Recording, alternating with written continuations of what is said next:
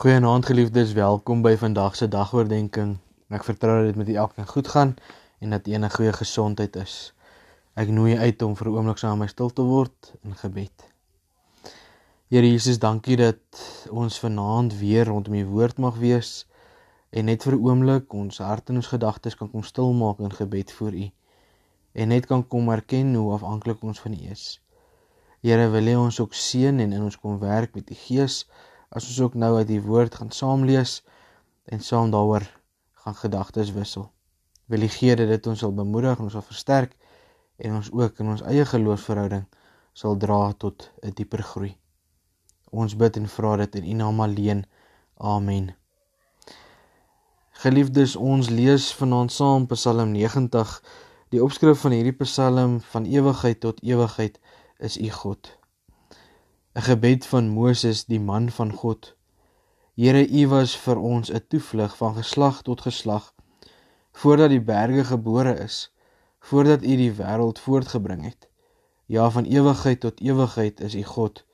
U laat die mens eh, sterwe. U sê net word weer stof. Duisend jaar is vir U soos gister as dit verby is, soos een enkele wagbeerd in die nag. U maak 'n einde aan 'n mens. Hy gaan die doodslaap in. Hy is soos gras wat in die môre afgesny word. In die môre is dit nog groen, maar dit word afgesny en teen die aand is dit verlep en dit verdroog. Ons vergaan onder u to uh, toring. Ons gaan ten gronde onder u gramskap. U sien ons oortredinge raak. U bring die sondes wat ons wou wegsteek aan die lig. Onder u toring vlieg ons dae en skiet ons jare verby soos 'n gedagte. Ons lewe maar 70 jaar of as ons baie sterk is 80.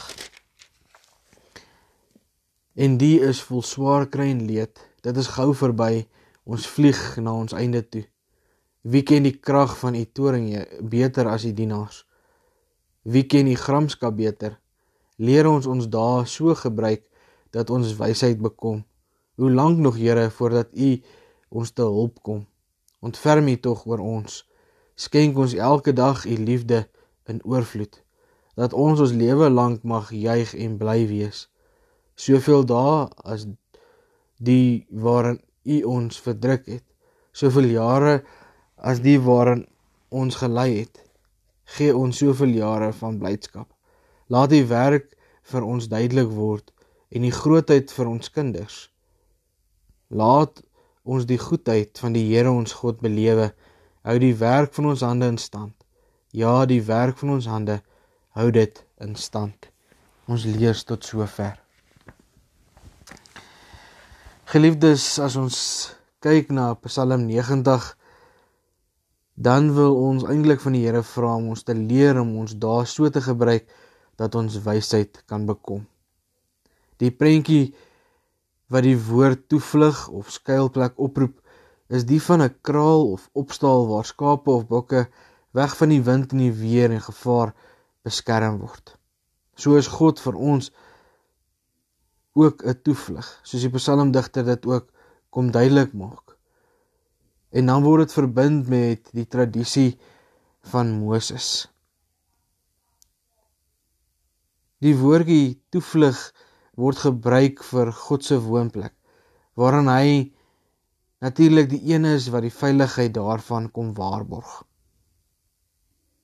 Dit is die wete wat rus bring in onstuimige omstandighede. As ons kyk na die Psalms se samestelling, dan kan dit in twee groot gedeeltes verdeel word. Die eerste vers 1 tot 12 wat uit lofprysing bestaan vir God se werk in die volheid van die lewe van die mensdom wat afgesluit word met 'n gebed dat die Here ons wysheid sal gee. En dan die tweede gedeelte vers 13 tot 17 wat dan 'n gebed is dat God sy ontferming en liefde in oorvloed aan sy volk sal gee sodat God se goedheid en grootheid vir die nageslag duidelik sal bly. Soos dan kyk na die eerste gedeelte wat handel oor die lofprysing dan word God hier geloof vir sy beskerming wat nie net deur die geslagte in die geskiedenis ervaar is nie, maar ook van die begin van die skepping af. Daarom in die woorde voordat die berge gebore is. Van ewigheid tot ewigheid. En dit kom sluit dan God se allesomvattende sorg en betrokkenheid by die mense uit.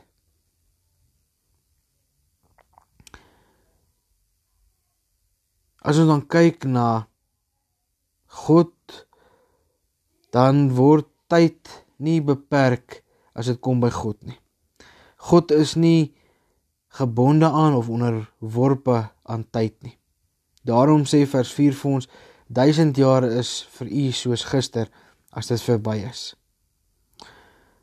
Dit beteken nie dat tyd geen betekenis vir God het nie. Maar net dat tyd nie net iets is waarby God moet inpas nie. Dit is maar net een deel van die ewigheid waarin God bestaan, waar hy self geen begin of einde het nie.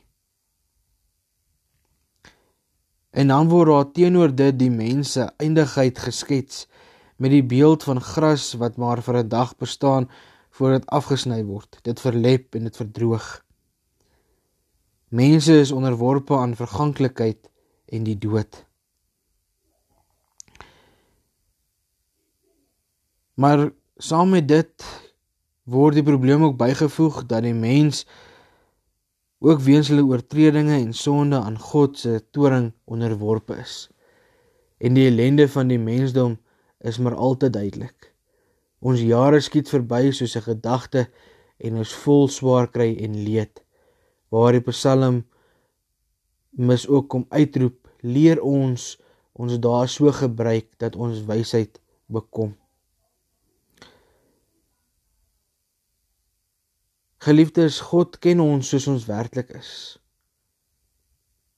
Ons eindig ons verganklikheid geneig tot sonde oor we onderworpe aan die swaar kry en die leed van die lewe. Dit alles ken God. Niks is vir God 'n geheim of weggesteek nie. Die geheim van die lewe is dat 'n mens dit doodgewoon erken en nie net sonder voorgee en dit met meer eerlikheid sal lewe. Maar ook jou sal instel om beter die geleenthede en potensiaal wat daar wel is raak te sien en dit te benut. Dit is die tipe wysheid wat ons van God moet afbid, sê die psalmis, sodat ons die dae wat ons uit God se hand ontvang kan tel. Dit wil sê met wysheid kan gebruik. Ons lewe in afhanklikheid van God. Niks is vir hom onduidelik of onmoontlik nie. En daarom verlang ons wysheid van hom. So kyk na die tweede gedeelte wat gaan oor die gebed. Dan sien ons in hierdie deel van die Psalm dat die Psalmis bely dat die geheim van die lewe afhanklik is van God se gawes, van sy ontferming, sy liefde en die jare wat hy ons gee. Dit is wanneer hy elke dag sy liefde in oorvloed gee en hy sorg dat sy werk en grootheid duidelik raak vir ons kinders.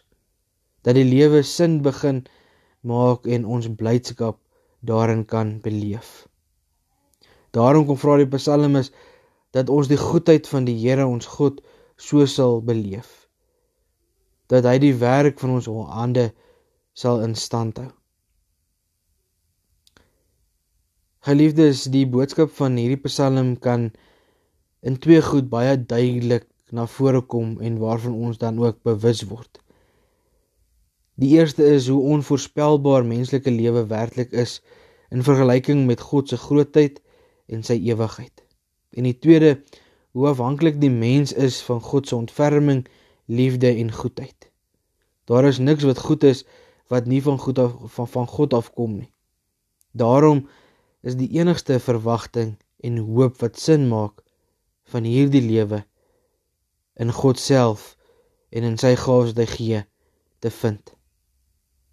En mag ons dan juis uitsien na so 'n lewe saam met God omdat ons bewus is ons lewe is in sy hande en dat ons afhanklik is van sy ontferming, sy liefde en sy goedheid.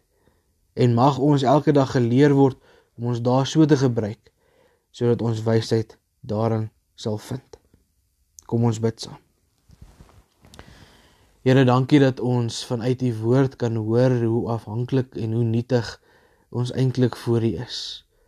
Here, dat ons lewe maar net moontlik is deur u hand en u genade, u gawes en seën wat u vir ons bewys. En Here, daarom wil ons vanaand voor U kom bely dat ons nie sonder U kan lewe nie. Ons U nodig en wil ons U vra, Here, ontferm U oor ons. Kom bewys U liefde aan ons, maar kom gee ook vir ons die goedheid wat ons nodig het om elke dag te lewe volgens U wil. Here, ons wil U naam kom groot maak. U kom loof en eer vir die pad wat U saam met elke van ons stap. Here mag ons ook daarin wysheid vind en juis kom lewe soos wat U graag wil hê dit moet wees. Here ons kom hou vas aan U en ons vra dat U ook saam met ons die nag sal ingaan. Kom gee vir ons 'n goeie nagrus, beskerm bewaar ons en gee ons môre die krag om so te gaan lewe dat U ook daardeur verheerlik mag word. Ons kom vra en bid dit in U naam alleen. Amen. Geliefdes, mag jy 'n geseënde aand geniet. Groete by die huis.